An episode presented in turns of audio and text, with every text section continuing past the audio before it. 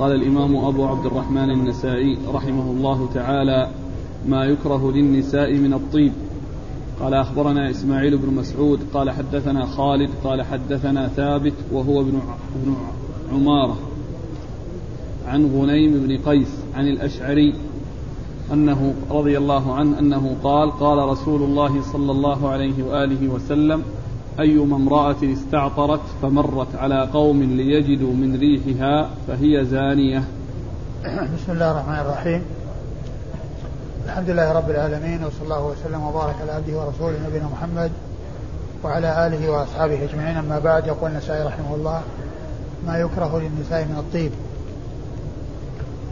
أي ما يكره استعماله في بعض الأحوال. لأن النسائي رحمه الله لما ذكر الترجمة أورد تحتها حديث أبي موسى الأشعري رضي الله عنه الذي يدل على هذا المعنى وهو أنها استعطرت تطيبت ثم خرجت ليجد الرجال ريحها. فهذا لا يجوز ولا يسوغ بل المرأة إذا أرادت أن تخرج من البيت فإنها لا تتطيب.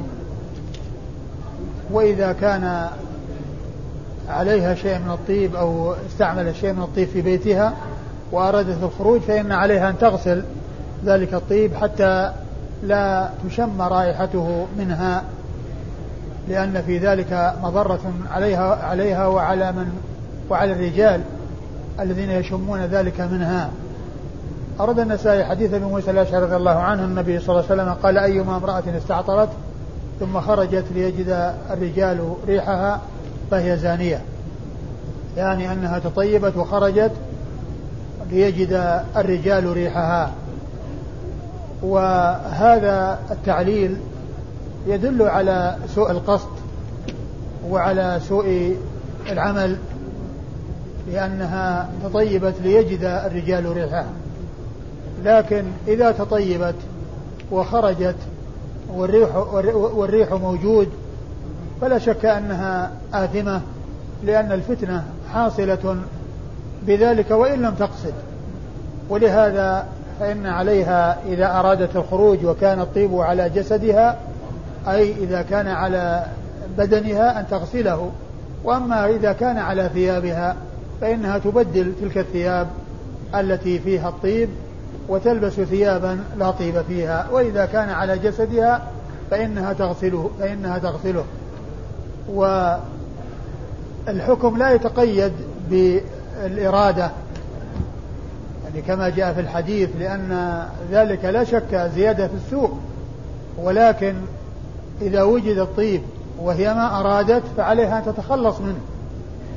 عليها أن تتخلص منه بغسله إذا كان في بدنها وبإبدال ثيابها أو غسله من ثيابها إذا كان على ثيابها. وقوله زانية يعني أن هذا وسيلة إلى الزنا وهذا بريد الزنا فهي تأثم كما تأثم الزانية لأنها فعلت ذلك الفعل الذي يجر إلى الزنا والذي هو وسيلة إلى الزنا. وقد جاء في الحديث العين تنظر وزناها النظر وحتى قال في آخره والفرق والفرج يصدق ذلك ويكذبه. والفرج يصدق ذلك ويكذبه. يعني أن الزنا زنا كل شيء بحسبه. وكونها تتعطر وتخرج ليجد الناس ريحها يعني معناها أنها تدعو إلى نفسها وتنادي على نفسها بسوء فعالها وقد يؤدي ذلك إلى آه، حصول الأمر المحرم حيث يتعلق الرجال بها ويكون ذلك سببا للاتصال بها ثم حصول آه، الفاحشة والعياذ بالله. نعم. قال أخبرنا إسماعيل بن مسعود. أخبرنا إسماعيل بن مسعود أبو مسعود البصري ثقة أخرج حديثه النسائي وحده. عن خالد. عن خالد بن الحارث البصري ثقة أخرج له أصحاب كتب الستة. عن ثابت وهو ابن عمارة. عن ثابت وهو ابن عمارة وهو صدوق آه، فيه لين. فيه لين أخرج حديثه البخاري في خلق أفعال العباد و أخرج له أبو داود والترمذي والنسائي. ما في البخاري؟ أخرج له أبو داود والترمذي والنسائي. عن غنيم بن قيس. عن غنيم بن قيس وهو ثقة أخرجه مسلم وأصحاب السنة الأربعة. عن الأشعري. عن أبي موسى الأشعري عن الأشعري وهو أبو موسى الأشعري رضي الله تعالى عنه عبد الله بن قيس صاحب رسول الله صلى الله عليه وسلم وهو مشهور بكنيته ونسبته مشهور بكنيته أبي موسى وبنسبته الأشعري وحديثه أخرجه أصحاب كتب الستة. قال رحمه الله تعالى اغتسال المرأة من الطيب. قال أخبرنا محمد بن إسماعيل بن إبراهيم. قال حدثنا سليمان بن داود بن علي بن عبد الله بن العباس الهاشمي أنه قال حدثنا إبراهيم بن سعد.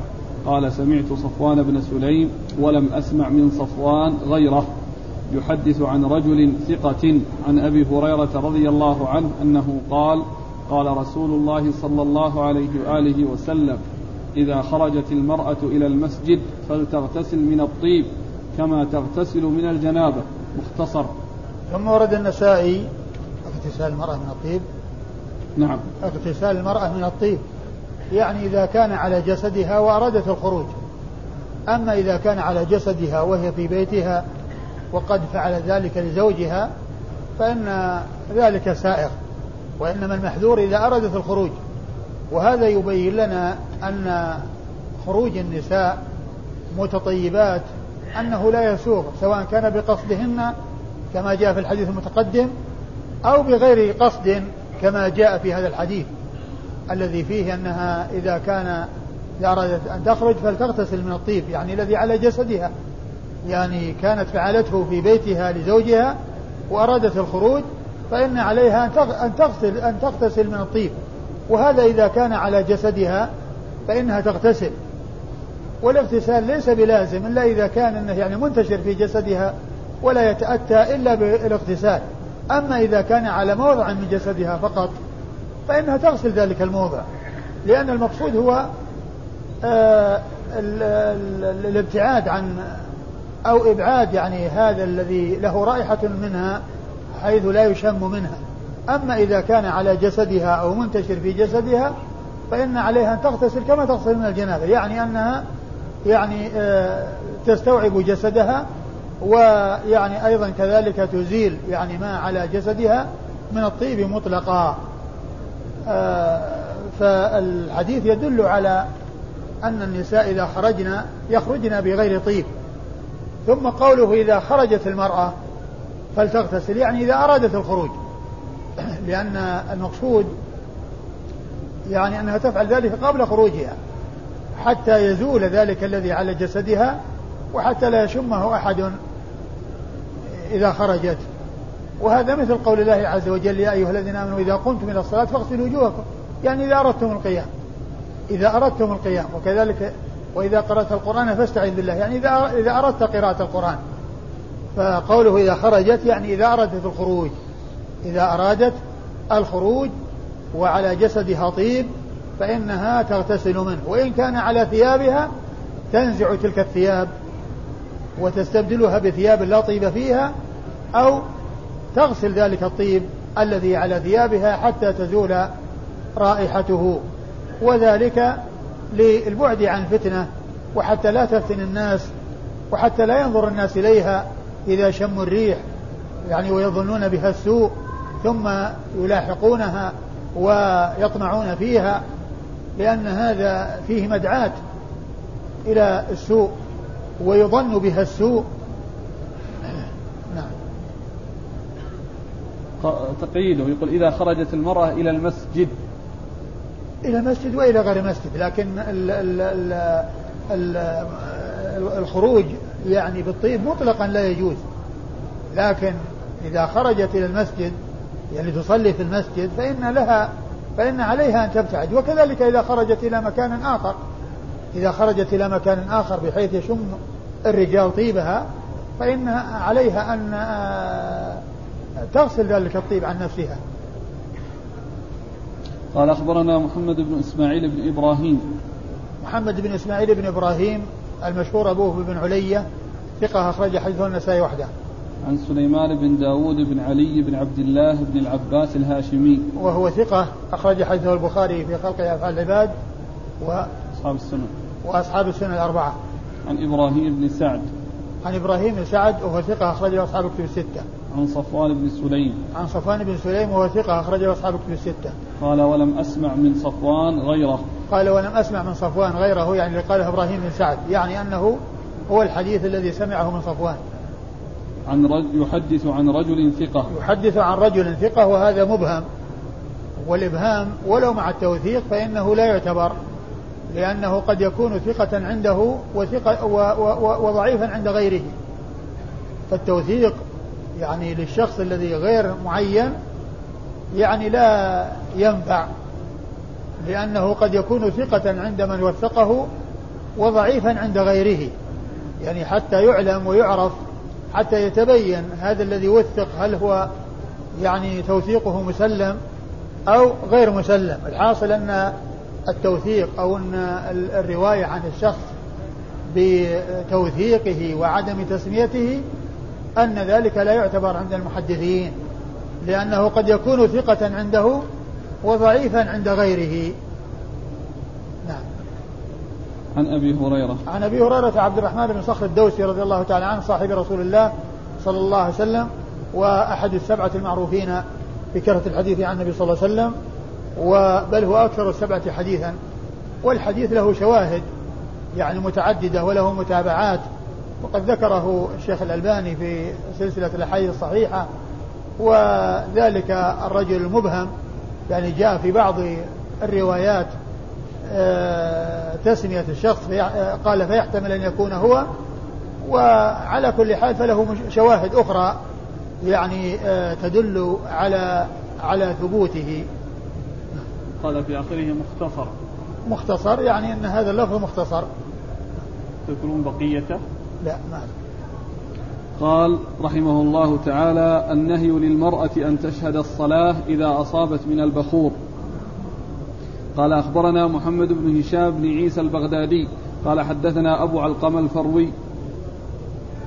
عبد الله بن محمد. قال حدثني يزيد بن خصيفة عن بسر بن سعيد عن أبي هريرة رضي الله عنه أنه قال قال رسول الله صلى الله عليه وآله وسلم أيما امرأة أصابت بخورا فلا تشهد معنا العشاء الآخرة. قال أبو عبد الرحمن لا أعلم أحدا تابع يزيد بن خصيفة عن بسر بن سعيد على قوله عن أبي هريرة وقد خالفه يعقوب بن عبد الله بن الأشج رواه عن زينب الثقفية. ثم ورد النسائي النهي للمرأة أن تشهد الصلاة إذا أصابت من البخور. إذا تشهد الصلاة إذا أصابت من البخور. يعني إذا كان البخور يعني على يعني معها ويشم منها.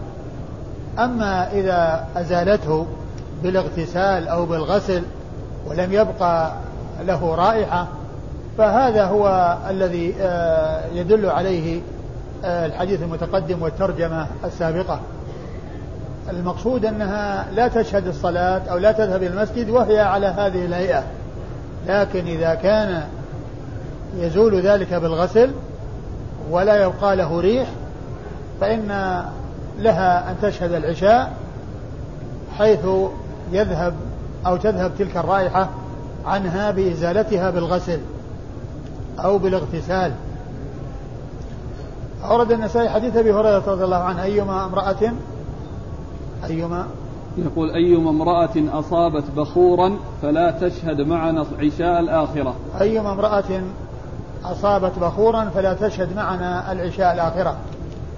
آه المقصود أنها لا تحضر المسجد وإنما نص على العشاء الآخرة لأن ال ال ال لأنها يعني في وقت الظلام ويعني النساء تذهب ولا يعني يبدون كما يبدون في آه، في النهار أو لأن ال ال ال ال يعني يعني كثرة الذهاب إنما هو يكون يعني في ذلك الوقت فهذا وجه التخصيص وليس المقصود خصوص صلاة العشاء بل العشاء وغيرها سواء. ولكن التخصيص يعني لبعض الأسباب التي منها ما أشرت إليه. نعم. قال أخبرنا محمد بن هشام بن عيسى البغدادي. محمد بن هشام بن هشام بن عيسى البغدادي وهو ثقة أخرجه البخاري وأبو داود والنسائي. ثقة أخرج حديث البخاري وأبو داود والنسائي. عن أبي علقمة الفروي عبد الله بن محمد. عن أبي علقمة الفروي عبد الله بن محمد وهو صدوق رجل البخاري في الأدب المفرد ومسلم وأبو داود والنسائي. صدوق أخرج حديثه البخاري في الأدب المفرد ومسلم وأبو داود والنسائي. عن يزيد بن خصيفة. عن يزيد بن خصيفة وهو ثقة أخرجه أصحاب كتب الستة. عن بسر بن سعيد. عن بسر بن سعيد وهو ثقة أخرجه أصحاب كتب الستة. عن أبي هريرة. عن أبي هريرة وقد مر ذكره. قال أبو عبد الرحمن لا أعلم أحدا تابع يزيد بن خصيفة عن بسر بن سعيد على قوله عن أبي هريرة. يعني يعني أنه انفرد بهذه الرواية عن بسر بن سعيد عن أبي هريرة. وهذا لا يؤثر. يعني أقول لا يؤثر. يعني كونه يعني جاء من هذا الطريق عن أبي هريرة وإن لم يتابع فإن يعني آه، روايته أو انفراده يعني لا يتأثر بالانفراد. والحديث صحيح من حديث أبي هريرة ومن حديث زينب الثقفية. وقد خالفه يعقوب بن عبد الله بن الأشج رواه عن زينب الثقفية. وثم أورد الأحاديث التي فيها رواية زينب الثقفية. ما يكون المخالفة هي سبب الإعلال؟ إلا هو هو الإعلال بس إنه ما وجد متابعة لكنه يعني لا يؤثر كونه لا متابعة لا يتأثر بعدم المتابعة. قال فيكون فيكون جاء من حديث أبي هريرة وجاء من حديث زينب الثقفيه. لا مو قضية عدم وجود متابعة، الغريب إذا ما خالفه شيء صحيح لكن إذا خالفه اي بس الانفراد. أقول الانفراد يحتمل فيمكن أن يكون يعني آه هو من روايته عن أبي هريرة اللي هو يزيد بن خصيبه وليس يرويه عن آه، عن بسر بن سعيد عن زينب الثقفية. قال أخبرنا هلال بن العلاء بن هلال قال حدثنا معل بن أسد قال حدثنا وهيب عن محمد بن عجلان عن يعقوب بن عبد الله بن الأشج عن بسر بن سعيد عن زينب امرأة عبد الله رضي الله عنهما أنها قالت قال رسول الله صلى الله عليه وآله وسلم إذا شهدت إحداكن صلاة العشاء فلا تمس طيبا. ثم ورد النسائي حديث زينب الثقفية زوجة عبد الله بن مسعود رضي الله تعالى عنها وعنه وعن الصحابة أجمعين. قال إذا شهدت إحداكن صلاة العشاء فلا تمس طيبا يعني إذا أرادت شهود. يعني إذا أرادت الشهود فلا تمس طيبا حتى تخرج وليس لها رائحة آه، تلفت الأنظار وتجعل الرجال يشمون منها تلك الرائحة التي تكون سببا في السوء. فإذا إذا إذا شهدت إحداكن أي إذا أرادت الشهود إذا أرادت الشهود أي حضور صلاة العشاء والتنصيص على صلاة العشاء هو مثل ما تقدم. قال أخبرنا هلال بن العلاء بن هلال. هلال بن العلاء بن هلال صدوق أخرج حديث النسائي وحده. عن معل بن أسد. عن معل بن أسد وهو ثقة أخرج حديثه أصحاب الكتب الستة إلا أبو دا إلا أبا داود ففي القدر. إلا أبا داود ففي القدر. عن وهيب. عن وهيب بن خالد وهو ثقة أخرجه أصحاب الكتب الستة. عن محمد بن عجلان. عن محمد بن عجلان المدني وهو صدوق أخرج حديثه البخاري تعليقا ومسلم وأصحاب السنن الأربعة. عن يعقوب بن عبد الله بن الأشج عن يعقوب بن عبد الله بن الأشج وهو ثقة أخرجه البخاري في خلق أفعال العباد ومسلم والترمذي والنسائي بن ماجه. وهو ثقة أخرج حديث البخاري في خلق أفعال العباد ومسلم والترمذي والنسائي وابن ماجه. عن بسر بن سعيد عن زينب امرأة عبد الله. عن بسر بن سعيد وقد مر ذكره عن زينب الثقفية امرأة عبد الله بن مسعود وهي صحابية أخرج حديثها أصحاب الكتب الستة. قال أخبرنا إسحاق بن إبراهيم قال أخبرنا جرير عن ابن عجلان عن بكير بن عبد الله بن الأشج عن بسر بن سعيد عن زينب امرأة عبد الله رضي الله عنهما أنها قالت قال رسول الله صلى الله عليه وآله وسلم إذا شهدت إحداكن العشاء فلا تمس طيبا. قال أبو عبد الرحمن. حديث يحيى وجرير أولى بالصواب من حديث وهيب بن خالد والله تعالى أعلم. ثم ورد النسائي حديث زينب الثقفية من طريق أخرى وهو مثل ما تقدم وقوله حديث يحيى وهو بن سعيد القطان وجرير بن عبد الحميد آه، أولى بالصواب من حديث وهيب بن خالد يعني الذي قبل هذا. وحديث يحيى لم يذكره هنا في الصغرى ولكنه موجود في الكبرى. قال أخبرنا إسحاق بن إبراهيم. إسحاق بن إبراهيم مخلد بن راهوية الحنظلي المروزي ثقة وصف بأنه أمير المؤمنين في الحديث وهو وأخرج حديثه أصحاب الكتب الستة إلا ابن ماجه. عن جرير. عن جرير بن عبد الحميد الضبي الكوفي وهو ثقة أخرجه أصحاب الكتب الستة. عن ابن عجلان عن بكير بن عبد الله بن الأشج. عن بكير بن عبد الله عن ابن عجلان مر ذكره بكير بن عبد الله بن الأشج المصري وهو ثقة أخرجه أصحاب الكتب الستة. عن بسر بن سعيد عن زينب امرأة عبد الله. عن بسر بن سعيد عن زينب امرأة عبد الله وقد مر ذكرهما. قال أخبرنا أحمد بن سعيد بن يعقوب الحمصي قال حدثنا عثمان بن سعيد قال حدثنا الليث عن بكير بن الأشج عن بسر بن سعيد عن زينب الثقفية أن نبي الله صلى الله عليه وآله وسلم قال أيتكن خرجت إلى المسجد فلا تقربن طيبا. ثم ورد النسائي حديث زينب الثقفية ومثل ما تقدم أيتكن خرجت يعني أرادت الخروج. أرادت الخروج فلا تقربن طيبا. وإذا كان الطيب عليها تغسله كما سبق أن مر الحديث بذلك عن رسول الله صلى الله عليه وسلم. قال أخبرنا أحمد بن سعيد بن يعقوب الحمصي. أحمد بن سعيد بن يعقوب الحمصي وهو ثقة. صدوق صدوق. أخرج حديث النسائي وحده. عن عثمان بن سعيد. عن عثمان بن سعيد بن كثير الحمصي وهو صدوق أخرج حديثه. وهو ثقة. وهو ثقة أخرج حديثه أبو داود والترمذي والنسائي. أبو داود والنسائي أبو داود والنسائي وابن ماجه. عن الليث. عن الليث بن سعد المصري ثقة فقيه أخرج له أصحاب كتب الستة. عن بكير عن بسر عن زينب. عن بكير عن بسر عن زينب وقد مر ذكرهم. قال أخبرنا عمرو بن علي قال حدثنا أبو داود قال حدثنا إبراهيم بن سعد عن محمد بن عبد الله القرشي عن بكير بن الأشج عن زينب. عن زينب. ما في بينهم بسر بن سعيد؟ عن إيش؟ عن بكير. عن بكير عن زينب. أيوه. ما أدري هل هو موجود؟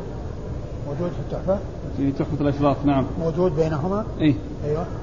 لا هو هو هو يحيل يعني عندما جاء إلى هذا الإسناد فقال عندما وصل عن محمد بن عبد الله القرشي قال به. إيه يعني من بالإسناد يعني ما انه موجود. إيه.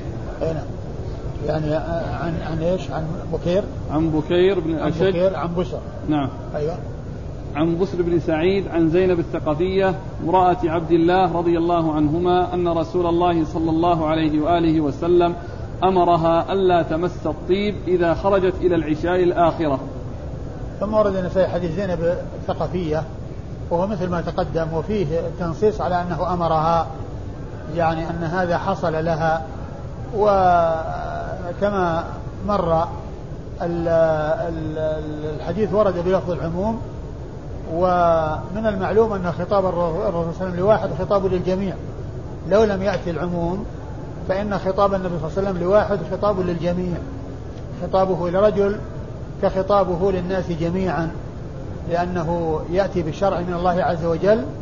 فإذا خاطب إنسانا بحكم ولم يأتي شيء يدل على تخصيصه بذلك الحكم فإنه يكون للأمة جميعا. كما جاء في قصة ذلك الرجل الذي نزلت فيه الآية التي و إن الحسنات يذهبن السيئات قال ألي هذا وحدي يا رسول الله؟ قال بل لأمتي كلهم بل لأمتي كلهم. قال أخبرنا عمرو بن علي. عمرو بن علي الفلاس ثقة أخرج له أصحاب الكتب الستة وهو شيخ لأصحاب الكتب الستة. عن أبي داود. عن أبي داود وهو الطيالسي سليمان بن داود ثقة أخرج هذا البخاري تعليقا ومسلم وأصحاب السنن. عن إبراهيم بن سعد عن محمد بن عبد الله القرشي عن إبراهيم بن سعد مر ذكره عن محمد بن عبد الله بن عمرو بن هشام القرشي وهو مقبول أخرج حديثه النسائي وحده. عن بكير بن الأشج عن بسر بن سعيد عن زينب. عن بكير عن بشر عن زينب وقد مر ذكرهم. قال أخبرنا أبو بكر بن علي قال حدثنا منصور بن أبي مزاحم قال أخبرنا إبراهيم بن سعد عن أبيه عن محمد بن عبد الله بن عمرو بن هشام عن بكير عن بسر بن سعيد عن زينب الثقفية رضي الله عنها أن رسول الله صلى الله عليه وآله وسلم قال إذا خرجت المرأة إلى العشاء الآخرة فلا تمس طيبا ثم ورد النسائي حديث زينب وهو من طريق أخرى هو مثل ما تقدم. قال أخبرنا أبو بكر بن علي. أبو بكر بن علي وهو أحمد بن علي بن سعيد المروزي وهو ثقة أخرج حديثه. النسائي. النسائي وحده. عن منصور بن أبي مزاحم. عن منصور بن أبي مزاحم وهو ثقة أخرج حديثه. مسلم وأبو داود والنسائي. مسلم وأبو داود والنسائي. عن إبراهيم بن سعد عن أبيه. عن إبراهيم بن سعد مر ذكره إبراهيم وهو سعد بن إبراهيم وهو ثقة أخرجه أصحاب كتب الستة. عن محمد بن عبد الله بن عمرو بن هشام عن بكير عن بسر عن زينب. محمد بن عبد الله بن عمرو بن هشام وهو الذي مر ذكره في الإسناد المتقدم الذي قال محمد بن عبد الله الهاشمي القرشي. محمد بن عبد الله القرشي. نعم. عن بكير عن بسر عن, عن زينب. عن بكير عن بسر عن زينب وقد مر ذكرهم. قال أخبرنا يوسف بن سعيد قال بلغني عن حجاج عن ابن جريج قال أخبرني زياد بن سعد عن ابن شهاب عن بسر بن سعيد عن زينب الثقفية رضي الله عنها أنها قالت قال رسول الله صلى الله عليه وآله وسلم إذا شهدت إحداكن الصلاة فلا تمس طيبا قال أبو عبد الرحمن وهذا غير محفوظ من حديث الزهري. ثم ورد النسائي حديث زينب الثقفية وهو مثل ما تقدم. قال أخبرنا يوسف بن سعيد. يوسف بن سعيد المصيصي وهو ثقة أخرج حديث النسائي وحده. نعم. ثقة أخرج حديث النسائي وحده.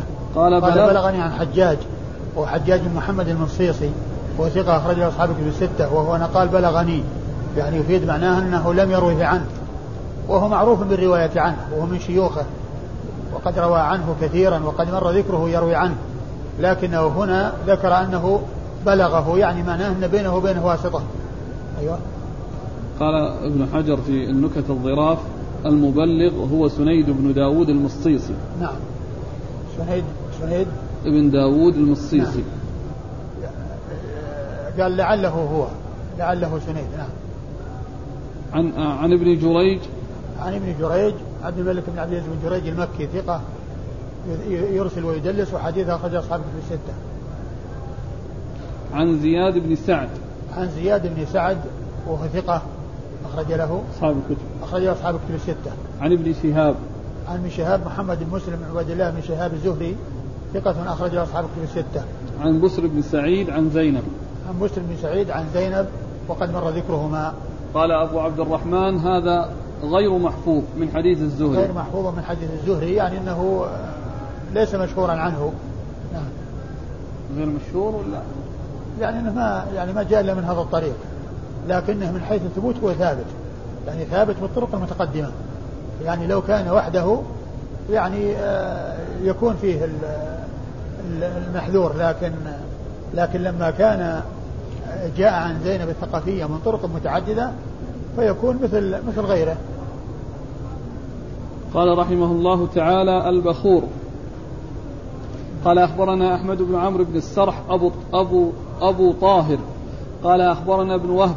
قال أخبرني مخرمة عن أبيه عن نافع أنه قال كان ابن عمر رضي الله عنهما إذا استجمر استجمر بالألوة غير غير مطرات وبكافور يطرحه مع الألوة ثم قال هكذا كان يستجمر رسول الله صلى الله عليه وآله وسلم. ثم ذكر النسائي هذه الترجمة وهي البخور وهي ما يوضع يعني على النار فتظهر رائحته ويظهر الدخان الذي فيه الرائحة الطيبة. من ذلك الذي وضع العود الذي وضع على الجمر حتى خرجت منه تلك الرائحة. هذا هو البخور. والترجمة السابقة يعني آه، فيها ذكر البخور لكنه هنا أورده هنا من أجل أنه يعني اشتمل على ذكر ما يتبخر به وهو العود الذي يقال له الألوة أو الألوة. إيش الحديث؟ حديث كان ابن عمر. نعم حديث ابن عمر رضي الله عنه. أنه كان يستجمر بالألوة أو بالألوة ليس غير غير مطرات يعني ليس ليست يعني مصبوغة بطيب أو ليس موضوعا عليها طيب. يعني بحيث آه، يكون الطيب. من تلك الأشياء التي أضيفت إليها بل نفس العود يعني هو طيب ويخرج منه الرائحة الطيبة إذا وضع على النار. أيوة. وبكافور يطرحه مع الألوة. وبكافور يطرحه مع الألوة يعني مع العود. نعم. وكان قال وكان النبي صلى الله عليه وسلم يفعله أو يستجمر به. نعم. وكان النبي يستجمر به. الاستجمار يعني وضعه على الجمر. يعني الاستجمار هنا وضعه على الجمر يعني حتى تخرج منه الرائحة. آه، يقول الشاعر لولا اشتعال النار فيما جاورت ما كان يعرف طيب عرف العود. يعني أن أن العود يعني تعرف رائحته عندما يوضع على النار ويوضع على الجمر يعني بحيث يعني يظهر دخانه ولا يشتعل لأنه إذا اشتعل انتهى وصار وقودا. لكنه إذا جعل على النار وصار يظهر منه الدخان الذي مشتمل على الرائحة الطيبة فهذا هو البخور. ولهذا يعني يقال يعني لاستعماله استجمار يستجمر بكذا يعني يضعه على الجمر والاستجمار كما هو معلوم يأتي بهذا المعنى ويأتي للاستجمار الذي هو يعني استعمال الحجارة لقطع الخارج. لقطع الخارج من السبيلين استنجاء واستجمار استعمال الحجارة التي هي الجمار وهي الحصى استعمال الحجارة. وأما هنا استجمار استعمال الجمر. ويقال يعني للذي آه، آه، آه، يفعل ذلك المجمر يعني نعيم المجمر لأنه كان يجمر المسجد وكان يأتي بالجمر عليه الطيب فتفوح رائحته في المسجد فقيل له نعيم المجمر. نعم. قال أخبرنا أحمد بن عمرو بن السرح أبو طاهر. أحمد بن عمرو السرح أبو طاهر المصري ثقة أخرجها مسلم وأبو داود والنسائي وابن ماجه. عن ابن وهب. عن ابن وهب عبد الله بن وهب المصري ثقة فقيه أخرجه أصحاب كتب الستة. عن مخرمة. عن مخرمة بن بكير بن عبد الله بن الأشج وهو صدوق. نعم. صدوق أخرج حديثه. البخاري في الأدب المفرد ومسلم وأبو داود البخاري في الأدب المفرد ومسلم وأبو داود النسائي عن أبيه عن نافع. عن أبيه وهو ثقة عن نافع مولى بن عمر وهو ثقة أخرجه أصحاب في الستة. عن عبد الله بن عمر بن الخطاب رضي الله عنهما صاحب رسول الله صلى الله عليه وسلم وأحد العبادلة الأربعة من أصحابه الكرام وهم عبد الله بن عمر وعبد الله بن عمرو وعبد الله بن الزبير وعبد الله بن عباس وهو أيضا أحد السبعة المعروفين بكثرة الحديث عن النبي صلى الله عليه وسلم.